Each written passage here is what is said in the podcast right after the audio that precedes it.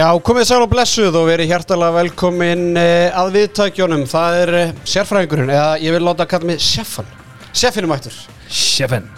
uh, Sjeffinhausen er mættur við takkaborðið og það getur ekki endað nema vel. Með mér í dag, Teatur Ingi Pálvarsson, Tetti Pónsson og síðan er nýlinn í hlavarsheiminum. Uh, bjóðum velkomin hinga til okkur í Dóminu stúdióið uh, Sverrir Eyjálsson, þjálfari fjölnis og fyrrum Já, ekkert fyrrum, bara legend í, í Garðabænum. Hárurétt, hárurétt, takk fyrir Herru strákar, við erum í bóði Dominos og Coca-Cola og ég og Sverri gerðum okkur eh, glaðan dag og eh, hendum okkur í eina tvöfalda, hérna rétt fyrir tökur, Já, helming og helming helming og helming. Hvað voruð með á þessu? Herru, þetta var Caliente og hvað var hitt? Það var hérna Dóttir. Dóttir Já, já, já, ég, já. ég er, við, við erum Þú, alltaf, þú ert í að breyta sinni Þú ætlar að taka hérna vaktina í konuverkvallinu 20. og hvað, 4. oktober eða ekki? að sjálfsögðu. Þú tekur þriðu vakt, tekur alla vaktirnar Já, ég þarf að passa bati mitt. Sendir konun upp í sofa Já, ekki spurning eh, Við náttúrulega erum eina íslenska handbóltahlaðarpi sem gerir ekki upp á milli kynjana og þar síni ég verk, verkin lætu verkin tala og fæ mér eina dóttir Já, bara fordæmi, síni, síni gott fordæmi Já, bílamöðstöðin Krókálsi 7 strákarnir á bílamöðstöðin að sjálfsögum með handkastinu frá fyrsta degi Sverrir, hvernig eru bílamálinn hjá þér? Eru þau góð? Það er hérna vara fjárfesta í amerískum drega svona, og meðan allir eru í rámagninu þannig að Já, Þú vorst að halda ólíu inn á þannig gangandi já, já. Já, fínt Þegar við fara að leiða því þetta er svona hálft ára þá hefur samband við strákarnir í bílamöðstöðinu og þeir fara hlæjandi með þetta alla leið fyrir þig Ólís vinnur á vellinum vinnur við veginn og að sjálfsögðu vinnur handkassins upphafi Ólísteildin er á fljúandi siglingu sjöndum fyrir en hófst í, í gærkvöldi og við ætlum að fara yfir leikstjórnuna F og haukar og afturöldingar en uh, þetta Sverrir, hann þarf að fara að skella sér í fitnessport Sverri Nei, hann er glæsilegur sko. En sko Það má alltaf gott bæta og ég ætla að taka með mér í jólakötti núna Já, já, það er Við förum ekki í jólaköttin, við tökum jólaköttið en samt í góðun hlutföllum sko. Já, já, ég meina það þarf að verja þess að þygt sko. að segja það. En samt sem þú myndir taka þig nokkur að þú ert með svo hróttalega ramma þá eru þeir hella Já, við erum, þetta eru 5 kíló, ekkert mikið með það Já, fimm, ja, Nei, fimm, nei, nei. bara flott, 5 kg bara hydroxycut hardcore og líka hann að steinartöflundur ekki Jó, Nei, ekki, það er Jú. það ekki bara gott fyrir alla? Já, það er bara alltaf gott. Já. Það er eitthvað sem að hérna, þeir sem ræfa og svitna mikið eða, hérna, þeir ná oft ekki að bæta á steilunarbyrjunar í gegnum fæðuna þannig að það er þetta bara king sko. Þannig ég þarf kannski ekki að hafa okkur á því akkurat núna það er, Já, leiðu þú byrjar að svitna. Já, já, ok, þá, þá grípi ég þetta. Já, það er bara þannig. Það er ekki að spyrja því strákar. Eh, við minnum hlustendur á eh, nýja Facebook-grúpu hjá okkur strákarum handkastið Bannstyrk þjóðar íþróttin og lífa fjör þar í vikunni og uh, við ætlum að nýta okkur eitt pósti sem að Óli Sigurgis í HP Stats postaði, við ætlum að nýta það eins þegar við hittum upp fyrir leikina sem framöndan er í sjöndu fyrirni og kannski bara, þú veist, það er búin að koma lífilegar umræður á hérna, þræði sem að ég og þú hefum þá sett að inn. En hvetur líka bara fólk að að það er eitthvað margir sem að, að vilja tjá sig um handbólta að bara setja inn einhverju pælingar og, og hérna, starta einhverjum umræðum líka bara hafa þetta lífilegt og skemmtilegt Ekki spurning og í lok þáttarins þá ætlum við að uh, byrta viðtal sem ég tók við Snorra Stein fyrir í dag, uh, rúmlega 20 mínútur af uh, hreitni færisku en vindum okkur bara strax strákar í málmáluna og förum í Garðabæin þar sem að sjönda umfyririnn hófst. Stjórnumenn, þínu menn í Garðabænum Sverrir uh, þeir hafa kannski ekki fló, flóið með heimiskutum með heimiskutum Já, í upphæðu tíðanbils en þeir gerðu vel í, í gær og gerðu jattefli við F-fáinga uh, Sverri, komið svo úslitir óvart? Sko, já, já, vissulega, en það var samt svona, eh, kannski tengt Európa-kjæmnu og eitthvað þannig sem maður hefði hugsað kannski að þarna væri kannski einhver séns og, og þegar maður horfir á leikin og þá náttúrulega, ég held að það væri 7-7 eða 8-8 þá svona var maður að býða hvort þetta myndi falla eða, þú veist, ég hefði alveg góða tilfinningu eða eða hangið í leiknum sem þið gerðu og hérna, og náttúrulega bara mjög óefnir að klára þetta ekki, það er bara grátlegt fyrir þá, sko. Loka tölur 34-34 stjarnan, tveimörkum yfir í hálfleik 18-16 Tandrimar Konrásson, hann var á eldi 12 mörg. Gjössalega styrlaður, Hanna Guðmundsson þjálfari stjórnurar bara hrósa á hann, hann gerði fárulega vel hann fyrir 7-6 og heldur því nánast bara alla leikið, það var ein sóknum undir lokið sem að fór ekki 7-6, hann fór síðan í 7-6 í, í lokasókninni. Uh, Pétur Átni Haugsson með 6 mörg uh, sko, stjarnan er án Egil Magnússonar. Hann er ennþá að glíma við hérna, eftirkosta skorpur svona áskeismætti til hans og uh, Þóru Tandri er meittur Starri er meittur og, og náttúrulega hérna, Daniel Hodnamæður sem kom frá Selfossi. Þannig að þetta er ekki smá högg sem að hérna, stjarnan er að glíma við. Þannig að bara kútos og stjörnuna og bara þeirra langbesti leikur á þessu tíðabili Já og það var líka svolítið skemmtilegt að sjá þeir farið 7 og 6 og F heldur í 5 einum í rauninni og Tandri er næra refsaðan okkur frá vinstri og leiðu þetta niður eða þvingaði niður öllu heldur. Það var mjög sniðu þetta eða mjög snjált þegar maður fær að Tandri yfir á miðjuna sko þar sem hann fær að nýta þessi gólskot sín frá hægri sko og, og Tandri bara alveg dundur leikur og ég held sér 12 mörg og ég held sér með 8 skupi færi og, og hann var bara að gera svolítið á eldana sko. Það er svolítið þannig. Vinn maður Tetti, Viktor Máni Mattiasson Já, heyrðu, hann tók hann að danna á niðurlegan tísar Það var einn haus og einn snúningur. Og svo einn snúli. Þetta er skemmtilega leikmæðsar Já, já, hann, hann kom Góð hérna típa, var, var hann ekki á þeirri fyrra? Nei, hitti hann var, nei, hann var, hann var í fjölni hitti Það fyrra. Var í Færeyjum. og svo fer hann til færi fyrra og kemur aftur heim í jólin og hann æfði hann aðeins með okkur. Og rosalega skemmtilegur strákur og kröftur og hérna bara gaman að sjá að sjá hann skora sitt fyrsta markana fyrir stjórnuna og Já, mér er bara svo geðveikt út að hérna, búin að spila í færiðum og í fyrstu eldin alla en æfi og, og svona vita fáir hver þú ert og þú ert bara að mæta Daniel fyrir andri sinni og fyrsta sem hún gerir er bara svona snulla yfir, yfir skallan á hann sko. Ok. það var æðislegt geggja skot en ég, ég er ekkert svo viss um að þetta hefði endilega verið planið þegar hann hoppar frá parkettinu Það er líka bara algjört aukaðrið sko. en geggja það bara flott hjá honum það er, Erðu Tetti, F-fangarnir, þínu menn Já, þeir voru bara slagir og bara svona kraftlausir og, og flatir og hérna uh, þetta var bara svona kannski ekki dósip og við sáum afturhaldi í kvöld og sem við ræðum eftir að þú veist, það var bara er í miðri Evrópuvíku og það átti bara að taka þennan leiksvöldi með vinstri. Á móti stjórnilið sem að hafa verið bara mjög slagir það sem að á tímabils á að valsarni tóku það svolítið bara með vinstri og FO ætlaði bara að gera það sama en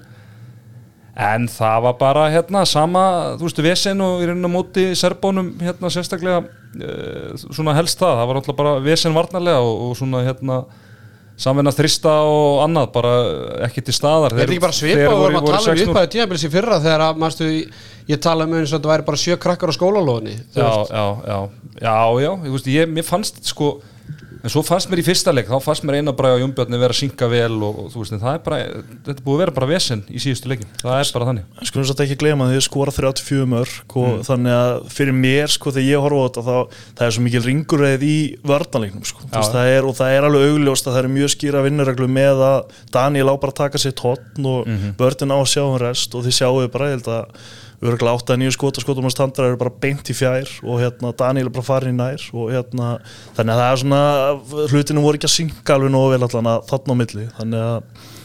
En klárlega eins og þú segir, ég hugsa að F-fóðingarna hafi komið inn bara með svona, þú veist, já, voru að fara að mæta stjórnunni á rauninu sem þeir eru búin að vera og þau voru ekkert að pæla mjög rosa mikið í þessu. Það er,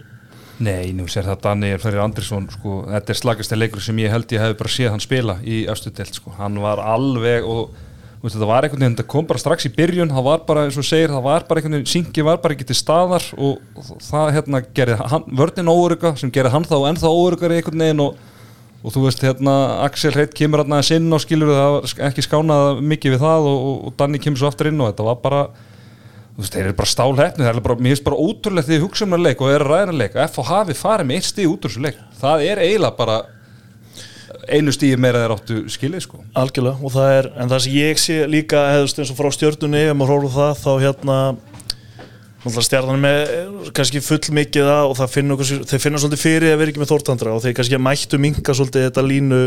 línu hnóð sitt sko á meðan Jóns er svona svolítið að læra á sig sem sóknamann í ástöld sko og, og svo líka þegar boltinn gengur yfir og þeir fá þessi hotnafæri þá ég held að séu með 50% nýtt ykkur hotnanum í leiknum sko. Já, mér langar samt svona hérna kannski eitt með stjórnuna mér langar bara að rósa Tandra bara sérstaklega að hérna þú veist, þetta er kannski verið auðvöld fyrir hann veist, hann var alveg að hugsa til setir hreyfings í sumar með fréttinnar hann hafi eitthvað rætt við afturheldingu og svona. Þú veist, mikill flótti og alveg auðsið með hann skilur leikmann sem hefur verið aðtunum með sko verið í landsliðinu hún sé harður stjórnumar og allt það. Þú veist, þá var þetta verið algjört antiklæmaks að fara inn í þetta tímabil en hann sýnir þessu bara virðingu og mætir í hörku standi og er bara búin að vera þú veist, ekki búin að vera svona góður í, í svona kannski allavega 2-3 ár sko Akkurat, uh, bara rétt í lokin hérna Sverri fyrst verið með því bara hvernig finnst þér áran yfir Garðabænum og, og hvernig svona þú veist, horfir á þitt uppeldisfélag eftir sjö leiki með 1 sigurleik, 1 jættul og, og 5 töp? Uh, og líka bara kannski og tengir inn í bara þetta að Patti skulle hætta þarna í upphæða tíðanbils og, og það sem var að gerast í sumar? Já, sko, þetta kemur það ávart og hérna meðan patta sko og hann farir inn í þessa leið sko en hérna svo í sumar þá náttúrulega, jújú jú, það er náttúrulega er hann einhverja endur skipulegningar og, og svo má náttúrulega ekki gleyma því að það eru fjóri leikmenn sem hætta á stjórnunni sem hætta bara. Þú veist þannig að það er kannski líka þú veist, ef maður er að horfa gaggrind á þetta þá er kannski hver er stefnan kannski þú veist, eru að, ætlum við að vera alltaf síðasti samningurinn sko, það er þú veist og þá náttúrulega lendur við þessu þegar menn hætta að, hérna, að En ég, sko, ég veit að stemmingin er góð, sko, fílingurinn er góður hjá það möllum og, hérna, og þetta er meira svona að komast kannski í gegnum þetta. Þetta er náttúrulega ekki eðlert prógram að byrja á, sko, og ég veit þér horfið á hana gróttu og káleikin. En svo að fá F á val og afturhaldingu í, og sérstaklega eins og fyrir hranna líka, að fá þetta bara allt í einni röð, sko, þú veist, það er frábært hjá þeim að fá eitthvað út úr þessu þrejum leikjum, en ég held að eh, menn eru búin að tala liðið svolítið niður sko og svona að þetta sé svona bútasömmur og eitthvað Theodor og hérna það er bara hár rétt um mér. En ég, nei nei, ég held að eftir fjóra-fimm umferðir þá erum við að tala um þetta alltaf öðruvísi. Þá held ég að Stjarnan sitja hana bara með að delt Ég sko. meina þeir eiga fram Viking, HK og Selfoss í næstu fjóru leikjum. Ekki réttir röð en þeir eiga þessi fjóru lið. Þetta eru svona lið sem að þetta verður krefendi horfa herðu við ætlum að stela sigra stjórnunni og hvort að stjarnan veist, þetta verður svolítið fróðilegt með hrannar í eh, brúnni, þú veist, það er ekkert mál fyrir hrannar að gýra sig upp á móti FH, skiljum, hann var þarna að stjórn, eða hann var aðstofþjálfur í liðsins fyrir mánuði síðan, Við að bara nákvæmlega allt já, já, að fara að og spila. maður sá það bara í allu, hann var með aggressíðan tvist þegar einar var komið klippa og allt þetta, þannig að veist, það er ekkert mál fyrir hrannar ekkert en að undirbúa sig fyrir þannleik en hvernig ætlar hann að undirbúa liða múti HK Viking, skiljum við, ætlar hann að fara leikfræðilega séð eða andlega, þú veist, og allt þetta? Þannig að næstu fjóri leikir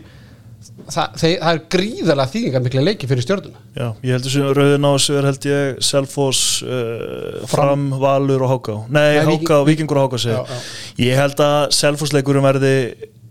krúsja leikur í þessu bara næsti leikur á, þú veist, þau eru komin í 50-50 leik eða hvernig þessu horfur á það sko og þeir verða að taka hann. Og það er eins og segir ég það verður mjög áherslu að sjá hrannar hvernig það fer inn í andlega undirbúningin og hvernig,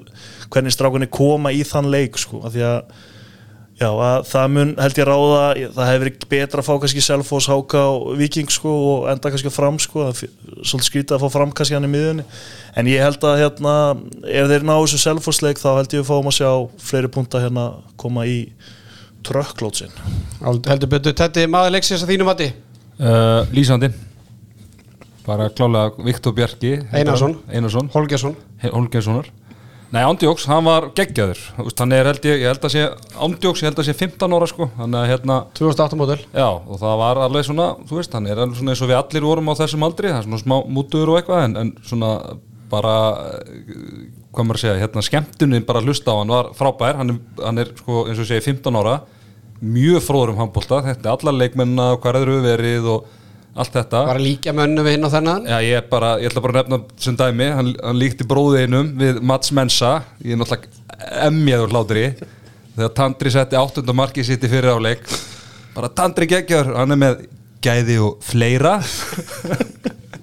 Svo myndist hann á það að Aron, þú veist, sem er bara alveg mörguleiti rétt að Aron var ekki að spila nógu vel, að hann hérna væri svona hann í leikmaður að hann þyrfti að vera með að spila leikminni í kringu sig, hann þyrfti til að bara vera með Díka Mem og Rálen Trerjós með sér, þú veist. Þetta var bara, og hvað var, hvað sagði með Pétur Róna? Krúsit krúsitúlukall. Krúsitúlukall sko, þetta er bara sem ég man Já, sko. þetta var geggjað. þetta var standandi veisla og stimmi okkar, því miður ég held að þú sétt búin að lose the job. There's new sheriff in town. Ég væri til að fá það saman bara í næsta leik. Já, það þarf að græja það en ég, ég var erfitt með að sjá stimma fá kallið aftur eftir þessa framistuði hjá Viktori því miður, fyrir okkar mann. Ég er sammála því strákar. Eh,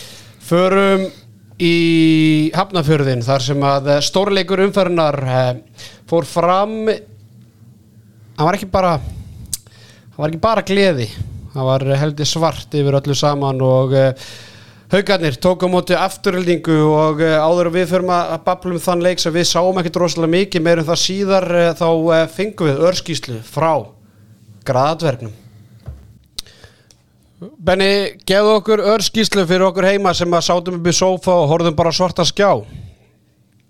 Já, ég heyrði að það hefði verið rettilegt ygranis í gangi þarna hjá mínum mönnum í haugunum. Þetta var svona, mér fannst þetta einhvern veginn bera þess merki að afturhalding er mitt á milli Evrópaverkefna og menn voru þreyttir og kraftlausir. Það er einhvern veginn ekki, þetta afturhaldingalið sem maður á að þekka, þetta er svona kraftabolt í gangi þar. Skotin bara léleg og menn virkuðu bara og svo afnir bara í kvildur allan setna hálfleikin. Þannig að mér fannst þetta einhvern veginn ég hafði bara góða tilfinningu einhvern veginn frá fyrstu mínútu og það gekk eftir og svo síndist með Gunni Makk bara hendin hangklæðin í stöðunni 13-10 sko. Þegar þú segir kvildur í stu eða kvildur í setnáleik, hann er náttúrulega 1-7 ef að Hoppi Stats er, rétt þetta í, í fyrri þá uh, heldur þetta að verið slök framist eða, eða svona annað augað á hérna leiknum á lögadegin?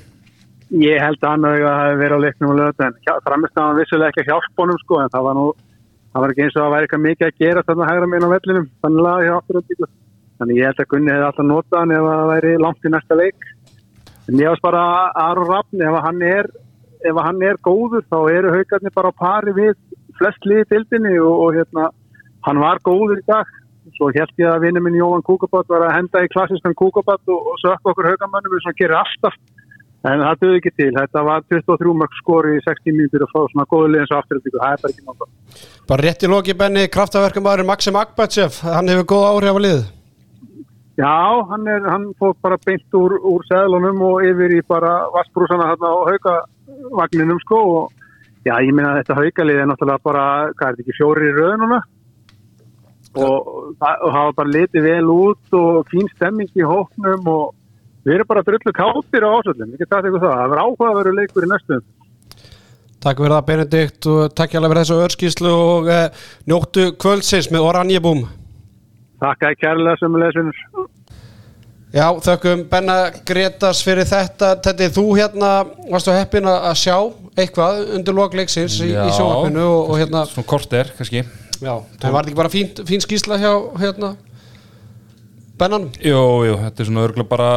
það sem maður gæti svona ímynda sér svona það sem maður sá allan í lokin og og maður kannski sá ekki aðrandan en tókum þetta eftir átni bræði var ekkert inn á og, og svona sko en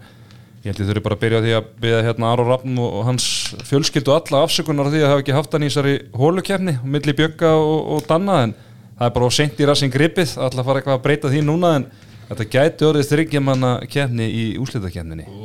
þannig að er, hann er að spila það vel en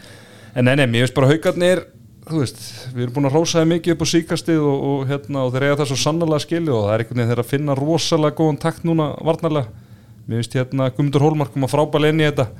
Veist, maður var svona að einhverju leiti búin að askrifa hann eftir síðust ár hjá Selfossi en, en hérna bara einhvern veginn hann með betri varnamenn með sér einhvern veginn hann er bara einhverju miklu meira komfortzóni og er bara að spila miklu betur og, og svona kannski hefur bara svolítið afmarkara hlutar, hlutar líka sóknarlega, hann getur svona sett fókusum meira á varnarleikin, þeir eru náttúrulega konum með þrái núna bara í hörku standi, hann náttúrulega hérna meittist uh, þar síðasta stórmóti þannig að hérna, hann veist, var bara lengi í gang á síðasta, síðasta tímabili, hann er komin í hörku stand og hérna, Geir Guðmus langt sér hann hefur spilað að bel, þannig að það er bara virkilega svona góður bragur á haukaliðinu og, svona kannski bara svipa með afturhald líka svo Benni talaði um og, og ég talaði um F-fáingan á það var svona Evrópu þreita, ég veit ekki hvort það sé andlið þreita eða líkamlega eða hvað sko en þeir einhvern veginn bara, já, allan að þetta síðasta kortir, það var bara, það var ekki alveg að, að svona, þú veist þeir voru svona að jafna leikin og svona en haugarnir fannst mér alltaf mér leið allan eins og haukar, mér leið alltaf þegar ég var að horfa á þetta haukar kláran leik. Já, haugarnir kláruð þennan leik 27-23 þar sem Aron Rafn Eðarsson var með 19 varða bolta 45% Ný, uh, markvæslu, Guðmundur Bræi markvæslu sem uh, aldrei fyrr með 8 mörg, Adam Haugur með 5 mörg og 7 skotum og, og Þráin og Geir með fjögur. Uh, Þorstein Leo markvæstur hjá Mósveldingum með 6 mörgur 11 skotum, Blær og Ígor með 5 Jóhann með 11 varða bolta 29% markvæslu Uh, það sem stingum mér svona mest ef maður skoða tölfræðinu afturlíku er náttúrulega þessi skotendingi átna bara með eitt mark úr sjö skotum og, og síðan náttúrulega rándýrt fyrir mósveldinga að Birgir Steit komist ekki á blað. Sverrir Birgir Steit og þekkir hann vel úr, Garðabænum. Svona, hvernig finnst þér þetta vera að virka hjá honum, kallt greinu? Sko þetta er þetta er náttúrulega bara ekki nógu gott sko. Og hérna og maður, æ, sko, svo náttúrulega líka vil maður gefa henni tíma að hérna, læra hann nýtt umhverfi og nýtt hlutverk og svona en, en það sem ég hugsa með mér er bara, þú veist náttúrulega ferðu því að vera kannski kallin sem er að taka aðra hverju ákvörun eða loka annar hverju sók sko í að þurfa að dreifa spili meira og meiri, aðri menn að taka meira tissin sko þannig að hvort að það sé að tröflan, þú veist, ég veit það ekki sko en ég, að það býr bara svo ógeðslega mikið í Byrkistæn sko, það er að, það er að maður hefði viljað sjá svona aðeins meira frá það er ástæði fyrir afturli kaupir hann frá grótunni sko. Þannig að það er ekki spurning og hann er bara, hefur ekki verið líka sjálfur sér. Það er bara nokkuð ljóst og, og það má náttúrulega ekki gleyma því að þú veist, jújú, jú, hann á þrjú mjög góð ár í grótunni en undan því, þú veist var hann alltaf bara í, í fristekljónum í Garðabænu hann átti að ágætis hálf tímabil í Já, fjölni. Fjölni, já, eftir árum og það sem var lánaðar þar í liði sem var bara gott sem falli og var með þess að kiptu tilbaka þannig fyrir Final Fi- Four og, og, og er ekki svona hóp í þeim leikjum sko, Nei, hann að- tekið tilbaka fyrir úrstakefni og hann er ekki hóp einu að svona sko, eina, sem, eina sem ég hugsa er, þú veist, ætlan sé eitthvað komið með þú veist svona farin að líða eins og hún leið í stjórnunni skilur mig, hann er orðin bara eitthvað algjör og var að skefa þú veist, það er svona eina sem ég hugsa skilur mig er, þú veist, hann er greinlega ekki með sama sjálfstyrst og hann var í, í grótunni það sem að, þú veist, bara og, og, og ég hann alltaf mjög vel og þú veist, það var bara þannig að þegar hún leið vel, þá stóð hann sér vel. En þegar að illa gekk, skilur mig, þá var alveg svona stutt í það að skotin voru kannski bara frekar einföld og allt þennan þannig að ég held að Þú veist, ef, ég væri, ef hann kannski væri sponsað ykkur sálfræðing þá myndi ég senda bygga bara í góðan sálfræðitíma og aðeins að bara opna sig og, og, og bara reyna einhvern veginn að skrúa hausinn rétt á sig því að hann hefur þetta en hann hefur ekki verið að sína það. Nei, það er verið skort að smá tröst sko. það er svona ekkert verið eins og þú segir að, og það er alveg sama þegar Birgislein var í stjörni og hann var náttúrulega ungur og var að spila með uliðin og svona en hann, hann funkar að langt best sem yðpunturinn og þegar hann veit hann er með allt á baki sig og er með klappi í rassin frá þjálfurunum sko, hann er maður veit svo sem ekki hvernig umhverfið er í afturhaldíku hvort að sé, eins og þú segir, hann er bara keiftur og það er bara að krafa um árangur og ákveðna getu maður heyrði það í lýsingunni já, já, hvað sér maður heyrði það í lýsingunni á síðasta já, heimleik já, já, þeir, mér leið bara eins og þeir verið pyrraður út í hann. En það var þetta svona, það var mjög veist, bara á einhverjum tímyndna kabla og þú veist, hans hlutverk, hans hlutverk er að kannski koma að taka tímyndur hverjum háluleik eitthvað, eitthvað, eitthvað svo leiðis, kannski 10-15 eitthvað þannig. Og mér leið bara eins og mér leið þegar ég horfði á hann eins og hann uppliði heyrðu, ég verði bara að skora eða fiska víti eða eiga línusendingu sem gefur mark í hverja einustu sók hann ætlaði svo, hann var svo mikið að þvinga þetta og þá fer að taka ótímabær skot. Þú veist, þá kannski ferði eitthvað ára sem átti ekki að fara í og faraðu klöfulega ruðning skilur á hausinu að þeir bara svolítið með Já. og þeir bara líður ekki vel. Það er, og það er alveg augljóst og það er eitthvað þannig í gangi að, að hérna að Byrgistein greinir líður nú ekki vel. En síðan á móti eftir boltinn sem afturhaldi gera að spila henda Byrgistein mjög vel sko. Þannig Ma, að maður held það, maður held bara að þetta væri bara frábært múf fyrir hann bara skittulið, mesta, bara mesta skittulið deildar en Teddy, segðu okkur frá fyrirálegnum í þessu leik? Já, Já, ég bara hérna uh, eldaði fyrir fjölskylduna og var með matinn kláran kortir í sex því að ég ætlaði að tilla mig fyrir fram sjónvarpið og horfa á þennan leik sem að mér fannst bara fyrirfram eitt mest spennandi leikur deildarinnar hingað til. fyrir þetta kannski bara í fyrstu umferð Já, bara ég segi, já, eitt, eitt svo að bara top 3 eitthvað leiðis og, já. og hérna, en ég horfði á svartanskjá bara í ég reynda kveikt á kertum og svona til, a, til að gera stemninguna eitthvað svona. Black Friday stemming bara Þetta var Black Friday, það var hérna, við vorum með sjónvarslösa 50 dag síðustu, síðustu viku, bara eins og var í gamlanda, hérna bara orðin að við fættum, sko, en, en hérna, ég var nú ekki að búast að þeir eru miðgudaganir eru sjónvarslösi líka, en ég horfði á svarta skjá í, í, í klukkutíma. Já, það er bara sveipað, ég kveikti bara kertum og við fjölskyldna knúsum hvort annað og, og hérna, auðvitað ég sem talsmaður HSI í þessari öllu saman hérna, var, fekk það hvað, titil bara snemma tíðabils og ég bara mun ekkit taka þann titil af mér þó að í hérna harbakka slæðir en, en þetta, þetta er búið að vera erfiðu dagur fyrir HSI menn. Já, það, hérna, það byrjaði með því að, að bara sleggja Björgvin Þór Rúnarsson, hérna, hinn eini sanni eini, fasteignarsali eini sanni, hann er alveg fasteignarsæli, annað en ég, sko, og skipa sér líka. Já, skipasali, þú þekkir hann, þau eru verið að díla við hann eitthvað. Já, kannski eins og tusa hann er rosalega, nei, nei, hann er hérna þú veit bara þjálfari og gammal leikmaður og þjálfari, var aðstofþjálfari með Gústu og ég var í K.R. svona. Og hérna bara mikill handbólta áhuga maður og, og svona tjáði sér mikið um þetta. Og hann hendir í status þar sem að hann bara fer ófögurum orðum um hérna þetta nýja sjónvars fyrirkomulag og það sköpuðust miklar umræður. Ég held að það hefur verið komin eitthvað bara 70 hérna, komment eða eitthvað á þennan status sko, og, og svona 90% af fólki er bara sammólanum og hérna, þetta er það sem maður kannski óttaðist af því að það er nú bara þannig með þetta að hérna, þú fær bara eitt tækifæri á, á first impression. Og ef að það klikkar og þá fólk verður ekki ánætt fyrir en það verður sko 120% og það slæðir mann svolítið að líka fólki sem er var að tala mest gegnum sig er kannski fólk sem er ekkert rosalega inn í reyfingunni sjálfur sko. heldur er bara svona hinn almenni sjónvas eða bara svona sem horfur á handbólta bara með fjölskylduna heima Bara neytandinn. og, já, í rauninni, bara svona þannig að það er svona og sá maður kannski aðra hliða þessu allan frá mínu sjónvarni sko, að mér finnst þetta bara fínt sko, ég, ef ég var alveg einskilin en Já, ég meina, og svo svona til að bæta við umræðin er náttúrulega þá að fara að selja áskipt bara núna frá með fyrsta nóvambur þannig að maður hugsa, hugsa sér og ég hef alveg sagt mínu skoðun og, og ég hef átt samtal við menninnan HSI að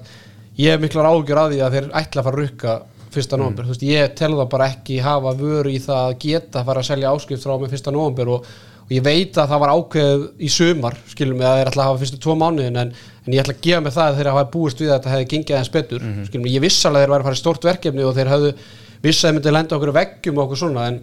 en ég er bara byðla til þeirra sem er að stjórna í HSI að, að hugsa sinn ganga aðeins og, og gefa þessu mánuði viðbútt frítt af því að mín skoðin er svo að það var fólk sem var spennt fyrir sig upp að tíðanbils og horfði á fyrstu tvær, þrjár umferðarnar en gafst upp. Þú veist, það var ein- eins og við búin að setjast niður, búin að poppa á kók búin að panta pizza á Dominos og, og opna sér einn orðan í búum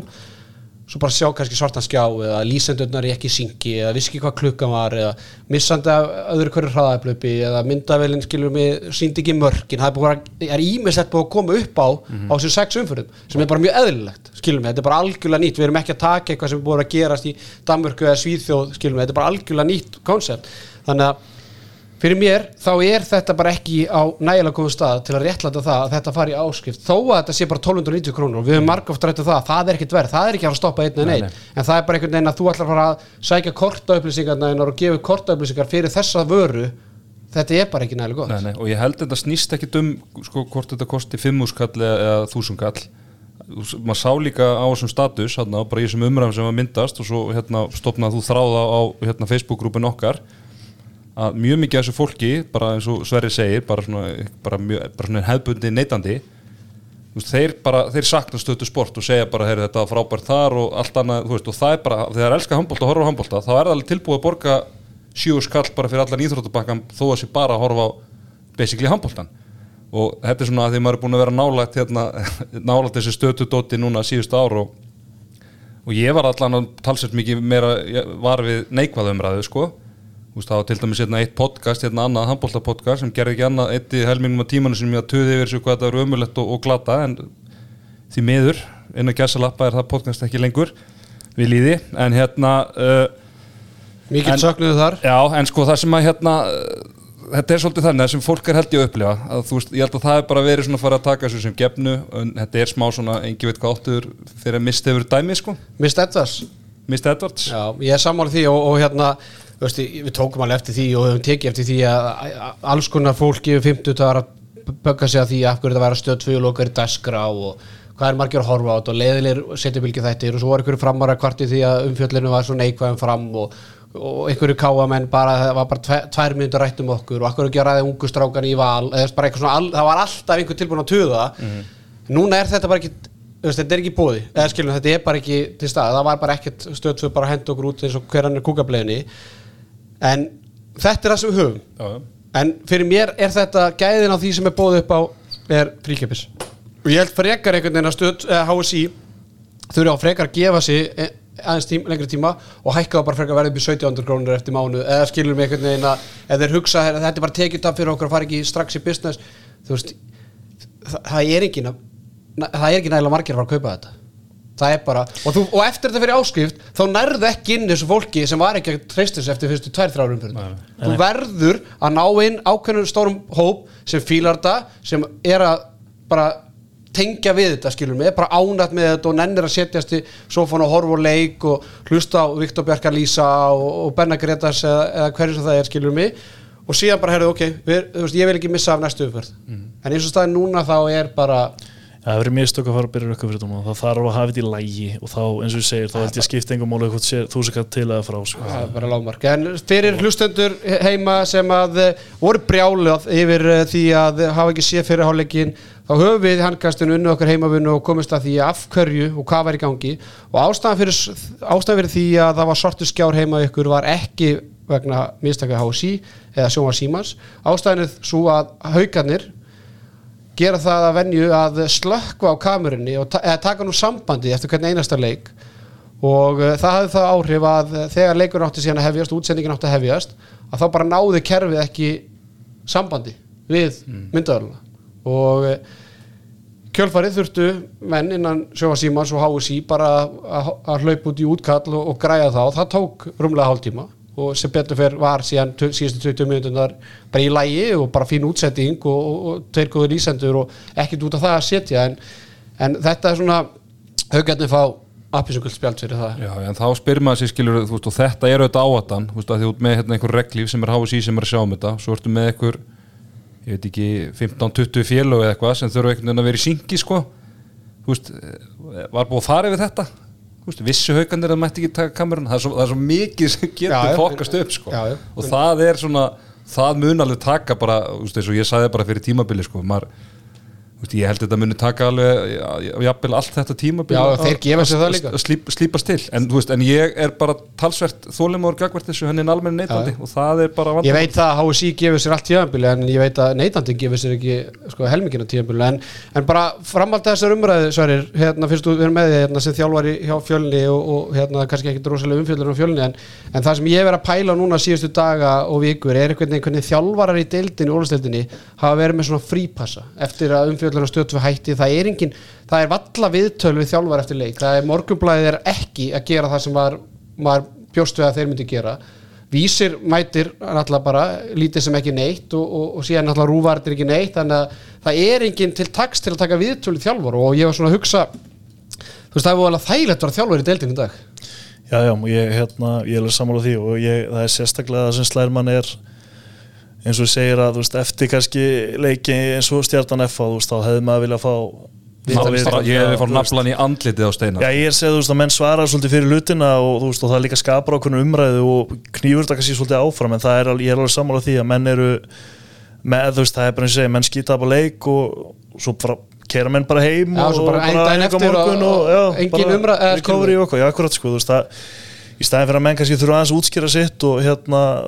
hvað fyrir útskýris og ég er alveg sammála því að það er kannski sem maður sér mest eftir með þú veist þessari sjónvars umræðurunni er bara umfjöllunni kringum þetta allt skilur, þú veist, þetta, þið er náttúrulega staðið ykkur frábærlega en, en það Takk fyrir það og það er ástæðan fyrir það við, þú, já, þetta- Nei, en miðlanir eru bara, þú veist, það er, það er leikur í gangi og ég meina, Hápi Eru Stats var geldir? ekki Já, ég Hápi Miðlarnir eru Stats geldir. Ég Hápi Stats var ekki núna og við værum á sama stað bara í, árið þeir koma hann inn þá veit maður bara ekkert hvað er í gangi Nei, nei, bara thank God for a help í Ég segi, þú veist, það, ma- maður þarf að leita bara stöðinu einhver staðar og hérna, og eins og ég segi, og þetta vill maður sjá svona aðeins rithmann í leiknum og hvernig þetta gekk og en ekki endilega bara lokatölur og statistík, sko. En ég velti ég, ég, maður segja, það er uppfinning sem að var svona til fyrir kannski þreim, fjórum, fimm árum það er handkastið handbolti.is og hobby-stats ímyndaður að þetta væri HM3. ekki hvað séru? HM3. ímyndaður að þetta væri ekki til staðar já, Ég náttúrulega glemdi, ég var í, sko, er- þú veist, hann er náttúrulega kongurinn sko. Já, já, algjörlega. Já, ég meina, eins og sé, hver væru við án HB Stats og, og handbóltum.is Já. Þannig að, en eina sem ég velti fyrir mér og ég svona set kröfu á félun, ég veit að félun er að hlusta, stjórnamenn er að hlusta og þjálfar að hlusta og allt þetta Ég velti fyr- fyrir mér, væri ekki hagur allra, bæði félagana, þjálfaran sem er annarkvört gengur allt rosalega vel eða tapar og eitthvað þarf að svara fyrir það þurfi ekki bara félaginu að taka þetta í hendur? Þeir eru með eitthvað fjölmjöla fulltrúa eða eitthvað sem getur tekið viðtal. Þarf ekki bara hérna einhver frá fram að ganga í grímuna Einar Jónsson eftir leik taka viðtal við hann, setja þetta inn á samfélagsmiðla fram? Ég meina þú veist, hún er til fleiri heldur en á setjubilgina, þú veist, það horfðu x margir setjubilgina, ef þú setur þetta inn á Facebook, Twitter, Instagram, TikTok þá nærðu til fleiri, sko. En það þarf ykkur að gera þetta. Og ég velti fyrir mig, þú veist, að þetta er ekki rosalega mikið magn. En ég- F er aðeins verið að gera þetta. Já, ég meina, bara ég, ég, ég segi FH er að vinna sam, samfélagsleikin í dag á þessum fjölum. FH það bara stíga næsta skref. Sá sem er að stýra því það bara fari við þjálfara. A- sérst allavega bara hjá sínu liði og kannski eitt leikmann. Vonandi elda ykkur önnu fjölu því að við sem neytendur þjálfarin vill ná tengslu við stuðnismenn og allt þetta. Bara, það er ekki hægt að benda okkur annan þú veist, það þarf að gera það, við gerum okkar besta við reynum að vera með eitt þjálfari í, í viðtali veist, þegar, að- þegar að það er hægt og allt þetta. En félagin get ekki verið að benda okkur annað, þú veist, þau þurfum að líta sér hans nær og, og bara gera þetta sjálf, þetta er ekki flóki sko, valsarni fara í Evrópukeppni og þá taka þér viðtölu við þjálfara eftir leiki og okkur svona veist, ég held að þetta sé bara lausnin til að byrja með. Já, já, þetta var náttúrulega bara briljantinn á Twitter líka, skilur, það er alltaf síðan, öll liðin er að auðvisa einhverja leiki með stöðluðu myndum og textum og okkur og dóti, bara stíði næsta skref, fáið einhvern veginn innan klúpsins til að gera þetta og, og tökum næsta skref í þessu, sko. sammála því. Herru strákar uh, förum örstutt bara í næstu leiki. Umferðin heldur áfram á 50 daginn fram vikingur í beitni í sjónvarpi Símans í opinni dagskrá að sjálfsögðu, það verður engi svartu 50 dagar á þessu sinni. Þetta fram vikingur þín spá. Ú, þetta Þetta er aðeins erfiðar leikur að spá í. Passaði vikingurnar að hlusta? Já, getur fengið fyrir eða töflunar já, ég ætla samt að halda áfram að spá um tapi Nei, ég meina ég er bara þú veist, Þeir eru konu með miklu tvöfall fleiri stegin í spáði fengið allt tímabili þannig að þetta hlýtur nú að fara að stoppa og, og, en hérna en ég mér þetta er bara leikur sem það geta unnið. Að sjálfsögðu, já, bara með hvernig framarinn að verið og við rættum það mér framarinn er bara rétt skriðið við selfisík Já, mér finnst bara framarinn búin að vera mjög ósamfærandi sko. ég ætla að spá vikingu sér Já, ég, þetta verður hörkuleikur en ég held að framarnir klára þetta í, í bústónum sko. ég segi vikingur, Tetti segi fram, hvað segir þú sér Ég segi fram, allan daginn þið leiðilegin Ég, nei, sko, núna er vikingur Draw, að missa ákveð. Vikingur fer að missa ákveð element núna líka í að lið fara að taka þá miklu alvarlega í sínum undirbúning og hérna, og bara eru farinir að klippa 3-4-5 leiki Já, já, og- algjörlega og hérna, þannig að ég held að þetta muni róður muni þingjast fyrir vikingarna það er, Ekki spurning á uh, laugadaginn farað fram þrýri leikir og við ætlum að vera hérna í Dóminu stúdíónu strax að leik, uh, síðasta leik loknum. Uh, Gróta Káa Sverrir, uh, hvað, hvað sér þið í þe þeim leik? Ég sko ég káða náttúrulega færi hennan skell hérna í síðasta leik máttu haugum, en ég, þeir munu koma talsvægt einbyttari í þennan leik Ekki gleyma að Skorprinsson Áskers er búin að vinna sitt Jú, jobb. jú, vissulega. búin að, búin að hafa samband og Já, þeir fóru, norður Já, já, en, en ég held að, að káða muni vinna þennan leik. Ég, mér finnst grótum en ekki nógu samfærandi og mér finnst þeir ekki að enda, ennþá fundi svona sinn rithma svolítið sko. mér finnst þeir vera svolítið að leita og, hérna, og mér finnst þeir bara ekki samfærandi ég held að káða muni hafa þennan leik nokkuð öll. Já, þetta eru tvölið sem að hérna, stutt síðan að, að stutt síðan við vorum að, mæra bæði þessi lið, það er bara síni hvað er fljótt að breyta sem er það gróta unni IBF og, og káa bara með sína byrjun en svo bara svona er þetta fljótt að fara í kúkin og náttúrulega gróta tapar þessu leik á móti hérna Viking og, og, og, og káa náttúrulega fara hann að skella á heimaðalli fyrir haugum eins og Sverri Sver nefndi. En mér finnst bara mér finnst það grótulega ekkert mér finnst það bara ekkert sérstakt, ég verð bara að segja alls verð og mér finnst þetta káli bara talsveit betur manna. Þannig að þó þeir hafa nú ekkert oft ferðast frábælega að söður þá held ég að þeir klára þennan leik. Grótt á heimaðalli er er Ég, veist, ég er samleikur, þú veist, Káa fyrir mig er einhvern veginn, en Káa útvöldi er ekkert spes, grótt á heimavelli, þetta er bara, þetta er víi, þannig að, þú veist, ég, þú veist, koma tilbaka, ég meina, Nær, nærðu þessari stemningi einhvern einasta heimaleik sko. Það er- já, ég meina, já, þú veist, ég veit það ekki, en, en bara einhvern veginn að, þú veist, þeir vinna HK og, og, og vinna í BF á heimavelli, það er ekkert sjálfsagt, þannig að, ég, ég held að, Ætla að setja ó- óná Ég ætla ekki að það, ég er, mér finnst þetta bara algjörlega 50-50 leikur, ég myndi ekki snerta hann leik á veðmála síðanum, en einhvern veginn það má ekki gleyma því að gróta er skrimslega heimavalli. Já, en við fyrum, ef við má bæta aðeins við, við fyrum síðan inn á náttúrulega klára háka og segir eiga klára, þú veist, það er svona það sem maður, allan að manni finnst. IBF er kannski meiri sjokkfaktor að það sé geta komið svona aðeins aftan að þeim og IBF kannski eitthvað aðeins á að í leik, eins og segi, sem áver að 50-50 þá bara, mér finnst káamenn bara sterkar í dag, það er, og ég held, er, ég held að sé verra fyrir gróttu að vera að fá káa akkurat núna en,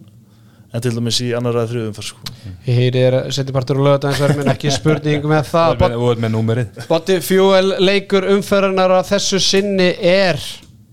þetta eru aðtöklisari leikir á, Já. bara, allir þessi fjóru leikir sem þetta, þetta er bara geðviku umferð. Mm, er bara- Selfoss. Það er líka bara deildin er veginn þannig að það er bara mjög líklegt að þið fá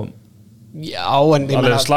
leikir. þetta, þetta finnst mér bara all, allir leikir í þessu umferð auðvitað bjóst maður kannski ekki við stjarnan F og er ykkur allir leikur en Nei, allir nei, þessi og- leikir hafa sína og sögulín kannski, og og, kannski fram vikingur maður kannski bjóst ekki við því fyrir mót að það er einhver spenn, spennandi nei, leikur fyrir mót sko. nei, nei, en við lifum í núinu Theodor, Botti Yes. leikurinn HK Selfoss. Kemur fyrsti sigurleikurinn á Selfossingum þarna? Nei, Nada, er erum við ekki sjöndu fyrir jú. Þannig að það verður þetta 007 hmm. gamli góði bondarinn. Ah, bondarinn. Ah, ég held að þetta verður því miður 007 Sverrir, hvað segir þú? Ég held að selfisingarnir tekja það. Bara langar að vera ósamála þetta og hérna ég einhvern veginn, ég, þeir hljóta að fara að koma það hlýtur eitthvað að fara að koma. Það er bara, það hlýtur að vera og háká er ekkert skandað til að tapa móta þeim og ekki það, ég er mjög verið, verið mjög hrifin að háká í vetur en, en ég held að selfisingarnir tekja þetta segjum það eh, síðasti leikur umförunar er síðan stóri leikur IBF og Vals. Bæðilið komin áfram í Evrópu byggarnum og uh, ég með fréttir að segja frá því að, að það er kannski ekkert komið mikið fram en Theodor Sjöbjörnsson, hann er bara hættur. Hann hefur lagt skón á hilluna vegna meðsla í baki síðust ára og hann bara svona komið nóg og, og hérna mikill svona missir af því og við múum kannski aðeins við múum tvara í þessu umræða á eftir en, en eh, bara takk Teddy, segir nú bara Frábær, bara- frábær ferill og, ferill og hérna er bara frekar, veist, rétt rúmlega tvítur orðin bara einn allra besti hótt eða bara leikmærin í sér deilt og og orða við liði í Fraklandi og í Danmörku og, á landsleikja baki Eða og, ótrúlegt að hann bara hafa aldrei farið út þannig að hann hafði alveg gæðin í, í það sko og, og fleira jafnvel. Hann er, hann innipúki. Hann, er- bara liður greinlega vel heima eins og, eins og mörgum egamönnum en hérna en já, þessu bara, þú veist, hann er bara búin að vera í miklu brasi með skrokkin á sér síðust ár. Hann þetta kemur hann ekkit neitt svaka lóvart og maður var svona jafnvel, maður var búin að heyra í sumar þetta gæti jafnvel orðið niðurstaðan Þú sko. varst að íhuga að senda hann í fitnessport já, aðeins að bara massa upp? Já, já, ég meina þú veist þegar þú ert alltaf að drepa, alltaf bak, hérna, hakkast í bakinu, þá náttúrulega eðlilega getur ekki eins og, og maður og þá er fínt að vera með efnin. Þá fýtt að vera með efni já, fá eitthvað gott brennsluðandi Herru, hvernig fer þessi leikur? Í BF Fálur? Úf, du, du, du. Ég, Er þetta ekki 50-50 á bettinu bara? Já, ég er samt, mér bara, ég finnst Ég bara set Val. Ég set val Já, líka já, sko en ég er að segja á, á stöðlanir heldur þetta ekki bara 50-50 Já, ef, að, ef að þetta verið 50-50 á stúlunum þá, þá set ég á, allir að setja á val sko Sverri, sammála því Já, ég held að ef allt er eðlert þá var Valur að vinna þetta og Valur líta bara ríkalega vel út þess að dagana Já, sko. það Þannig að það er- miklu betri staðin í bjöf Þetta er eina, þú veist, þetta er þetta er eitthvað svona, þú veist setni port á lögati í Vestmanni það er svona eina ástæð fyrir að maður einhvern veginn finnst einhver möguleik í bjöf klára þetta sko. En bara ef maður horfir á, á framistuðu liðan og á hvað staði eru þá er bara valur bara mörgum skrefum framar í bjöf þessu staðan núna. Ekki spurning, strákar, við ætlum að fara í El Grande í bóði Ríni Endurskoðan, Bekar Tilly, það er heldur betur brjála að gera hjá strákunum í Bekar Tilly. Handkastið skilar e, mönnum þangað, það er nokkuð ljóst. Já. og e, bet þetta, þetta, að maður að spyrja mér svona hvernig nálgast ég Bekar Tilly mann? Uh, sko, þú getur farið á heimasíðuna bara bækirtilli.is eða rýniendurskoðun.is og, og sendt þar í gegnum hérna hafa samband svo getur bara sendt á mig persónulega bara Hve- í gegnum samfélagsmiðla eða á theodor at bakertilli.is Hvenær þarf að hafa samband til að klára þessar áskýslur eða hvað sem þetta heitir, eða skattaskýsluna? það er eiginlega orðið of seint ekki nema og sért eigir ennþá eftir og þá ertu bara komin í sekt Nei, ég er að tala um fyrir næsta ár já, fyrir næsta ár? Já. bara þú veist þá, við höfum út hérna september Nei, ég er að tala um fyrir einstaklinga Já, einstaklinga Er þetta ekki að Já. taka einstaklinga? Jú, jú, Já. tek það líka Er það ekki veginn í mæi Já, það er í, í hérna mars-april Já. Þannig að hafið samband kannski í svona í februar og mars bara. Já, ekki spurning. Herðu, strákar, förum hingað í um, El Grande og uh, ég ætla að tengja þetta við uh, ég ætla að tengja þetta við umræðina sem við erum að fara í og uh, ég ætla að fá bara nöfn til skiptis, Sverrir frá þér og þetta yfir leikmenn sem hættu handbólteðkun í sumar. Hættu í handbólta bara hættu eða fóru í neðstu deildina skilum ég, veist Já, já, eða veist ekki ekki sem fóru í atvinnumösku, eh, bara leikmenn sem að eh, hafa sagt skilið handbóltiðkun og mögulega þú spil í annari deildinu með víði eða kvítarittarunum eða eitthvað svona. Bara hurfu úr ólisteildinni og uh, voru ekki að semja við liði í, í fyrstu deildinni.